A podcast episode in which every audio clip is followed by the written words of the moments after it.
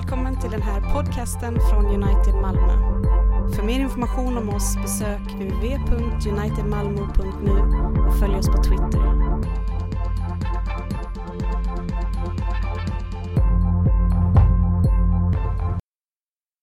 Hör Herrens ord. Vi lyssnar till denna söndagens gammaltestamentliga läsning ifrån Hesekiel kapitel 37. Herrens ord kom till mig. Människa, tag en trästav och skriv på den. Juda och israeliterna, hans förbundna. Tag sedan en annan trästav, den som tillhör Efraim, och skriv på den. Josef och alla israeliter, hans förbundna. För samman dem så att de blir en enda stav i din hand. När dina landsmän ber dig förklara vad detta betyder ska du svara dem. Så säger Herren Gud. Jag tar den stav som tillhör Efraim och som avser Josef och Israels stammar, hans förbundna, och lägger Judas stav intill den. Jag gör dem till en enda stav i min hand. Trästavarna som du har skrivit på ska du hålla fram så att folket ser dem. Säg sedan, så säger Herren Gud, jag ska hämta israeliterna hos det folk som de har kommit till. Jag ska samla in dem från alla håll och föra dem till deras eget land. I detta land, på Israels berg, gör jag dem till ett enda folk och de ska alla lyda under en enda kung. Aldrig mer ska de vara två folk, aldrig mer ska de delas i två kungariken. Så lyder Herrens ord. Gud, vi tackar dig.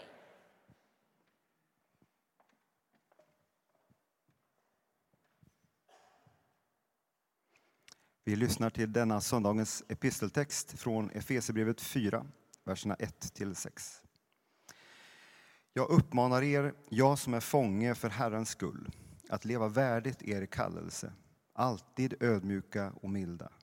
Ha fördrag med varandra i tålamod och kärlek. Sträva efter att med friden som band bevara den andliga enheten. En enda kropp och en enda ande, liksom ni en gång kallades till ett och samma hopp. En är Herren, en är tron, ett är dopet, en är Gud och allas fader. Han som står över allting, verkar genom allt och finns i allt. Så lyder Herrens ord. Tack.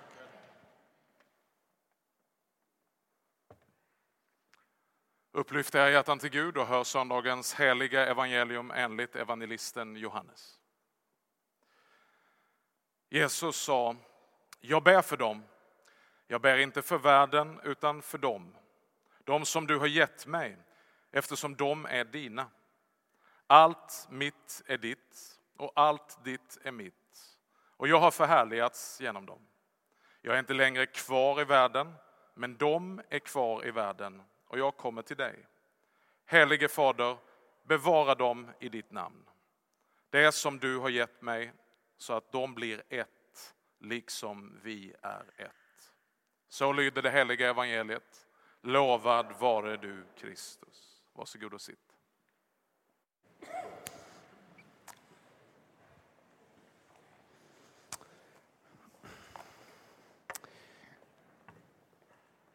Kan jag flytta på den här eller trillar Jesus ner där då? Nej. Det känns så besvärande att stå mitt för altaret så jag flyttar lite på mig. Ehm. Bland det fulaste man kan göra i Sverige idag det är att tala om vi och dem. Så jag tänkte att det kunde vara roligt att börja med det. Och då egentligen inte för att jag vill det eller för att jag har något skriande behov av att göra det, utan för att Jesus så tydligt manar oss till det i dagens evangelium. Men allra först det viktigaste. Jesus ber. Tänk att det är gott att veta det. Men så fort vi har konstaterat att Jesus ber så blir det lite svårare. För vad är det Jesus ber för och vad ber han inte för? Jag ber för dem, säger han, men jag ber inte för världen. Nu ska man ju alltid vara lite försiktig med att ha åsikter om vad Jesus gör och inte gör. Men visst blir man lite förundrad. Jesus ber inte för världen. Från vårt mänskliga perspektiv så tycks ju det som fanns nästan inte något viktigare att be för än just världen. Så låt oss försöka reda ut vilka som är dem och vilka som är världen och vilka som är vi i allt detta. Texten är hämtad från Jesus avskedstal. Det tal han håller till sina vänner den där torsdagskvällen i övre salen precis innan hans lidande ska börja. Och då ger han en sista intensiv undervisning. Och det som han då kallar världen, det är det i Guds skapelse som har vänt sig bort från Gud. Det i Guds skapelse som lever i uppror mot Gud. Det är vad Jesus kallar världen. Och då blir det ju ganska enkelt och självklart att förstå och hålla med om Jesu ord ikväll, att han inte ber för världen. Jesus ber inte för det som står Gud emot. För hade han gjort det så skulle det betyda att han stod bakom det och stöttade det med den mäktigaste kraften som finns, nämligen sin egen bön. Däremot ber Jesus för dem, de som Gud har gett honom. Och de, det är vi. Ur Guds skapelse med människor och djur och berg och floder och hav och träd och buskar och allt vad ni vill, så kallar Gud ett folk.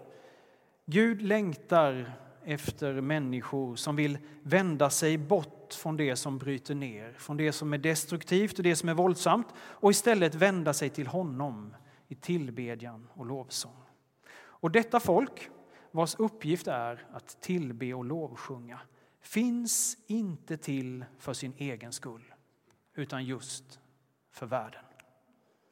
I den verklighet som vi alla lever i behöver Gud ett folk som strävar efter att höra hans röst. Ett folk som längtar efter hans närvaro. Ett folk som är beredda att böja sig för hans vilja. Ett folk som i sig själva och i sin blotta existens vittnar om att det finns en Gud. Ett folk som fortsätter den bön som är Jesu egen bön. Gud längtar efter sådana människor för att få använda dem och för att visa att det finns ett annat sätt att leva. Ett sätt som inte är världens. Ett sätt där jag inte behöver vara alltings centrum. Där jag inte alltid behöver få min vilja fram. Där jag inte främst lever för min egen skull utan lika mycket för de andras. Idag ska du veta att Jesus ber för dig. För du är en av dem som Gud har kallat. Du är en av dem som Gud längtar efter, en av dem som Gud behöver. Och idag ber Jesus och han ber för dig. Och han gör det för att han älskar världen. I all sin bortvändhet så älskar Gud världen. Och han behöver dig som en himmelsk ambassadör i världen. En ambassadör som vittnar om Jesu kärlek till allt skapat, också till den delen som har vänt sig bort från honom. För det var ju den kärleken som ledde Jesus till korset, till graven, till uppståndelsen och den nya skapelsen. Den nya skapelsen som bär löftet om en ny himmel och en ny jord i sig. En skapelse där ingen värld mer finns, utan där allt är himmel. Där ingen lever bortvänd från Gud utan vi kan skåda honom ansikte mot ansikte. Nu har vi sagt något om vi och dem, nämligen att vi som kristen gemenskap är de som Jesus ber för. Och han gör det för att Gud behöver ett folk i världen som han kan använda för världens frälsning och vars uppdrag är att fortsätta Jesu egen bön i det som nu är hans kropp här på jorden, nämligen kyrkan. Så tänkte jag till sist också säga något om hur. Och för att ana något om hur vi som kyrka ska göra behöver vi veta något om hur. Det berättas om hur i Andra Moseboks 17 kapitel. Guds folk strider mot världen, mot dem som står Gud emot. Just där och då så sker det i skepnad av amalekiterna. Striden böljar fram och tillbaka, men uppe på ett krön står Mose och ber och så länge hans händer är lyfta till bön så går det Guds folk väl i striden. Men så fort händerna sjunker så får Guds fiender övertaget. Då berättas det om hur. Om Aron och Hur som står på var sin sida om Mose. Och när Mose händer sjunker och hans bön blir svag så lyfter de upp Mose armar och stöttar honom så att Guds folk kan vinna. Denne Hur som vi inte vet så värst mycket mer om egentligen. lär också oss hur vi ska göra. Vi som Guds folk ska stå som hur och med våra böner, våra krafter, vårt engagemang, vår vilja, vår längtan, vår tro, vårt hopp och vår kärlek ska vi se till att kyrkans böner aldrig tystnar. Att kyrkans offer aldrig slutar frambäras. Att kyrkans kärleksgärningar sprids i världen. För när det sker så sker också Guds vilja och Guds rike kommer närmare. Vi som är de Jesus ber för har en helt avgörande uppgift i hur Guds rike får sin plats och uppgift i världen. Och om vi då och då tycker att uppgiften att vara ett Guds folk i världen är oss övermäktig och allt känns hopplöst, då ska vi veta att runt omkring oss finns det en massa hur. Människor som hjälper oss när våra händer håller på att sjunka och som stöttar när vi är nära att ge upp.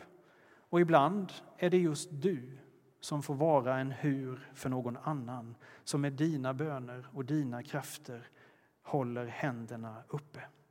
Och bakom oss alla finns den mäktigaste kraften, inte bara i världen utan också i himlen.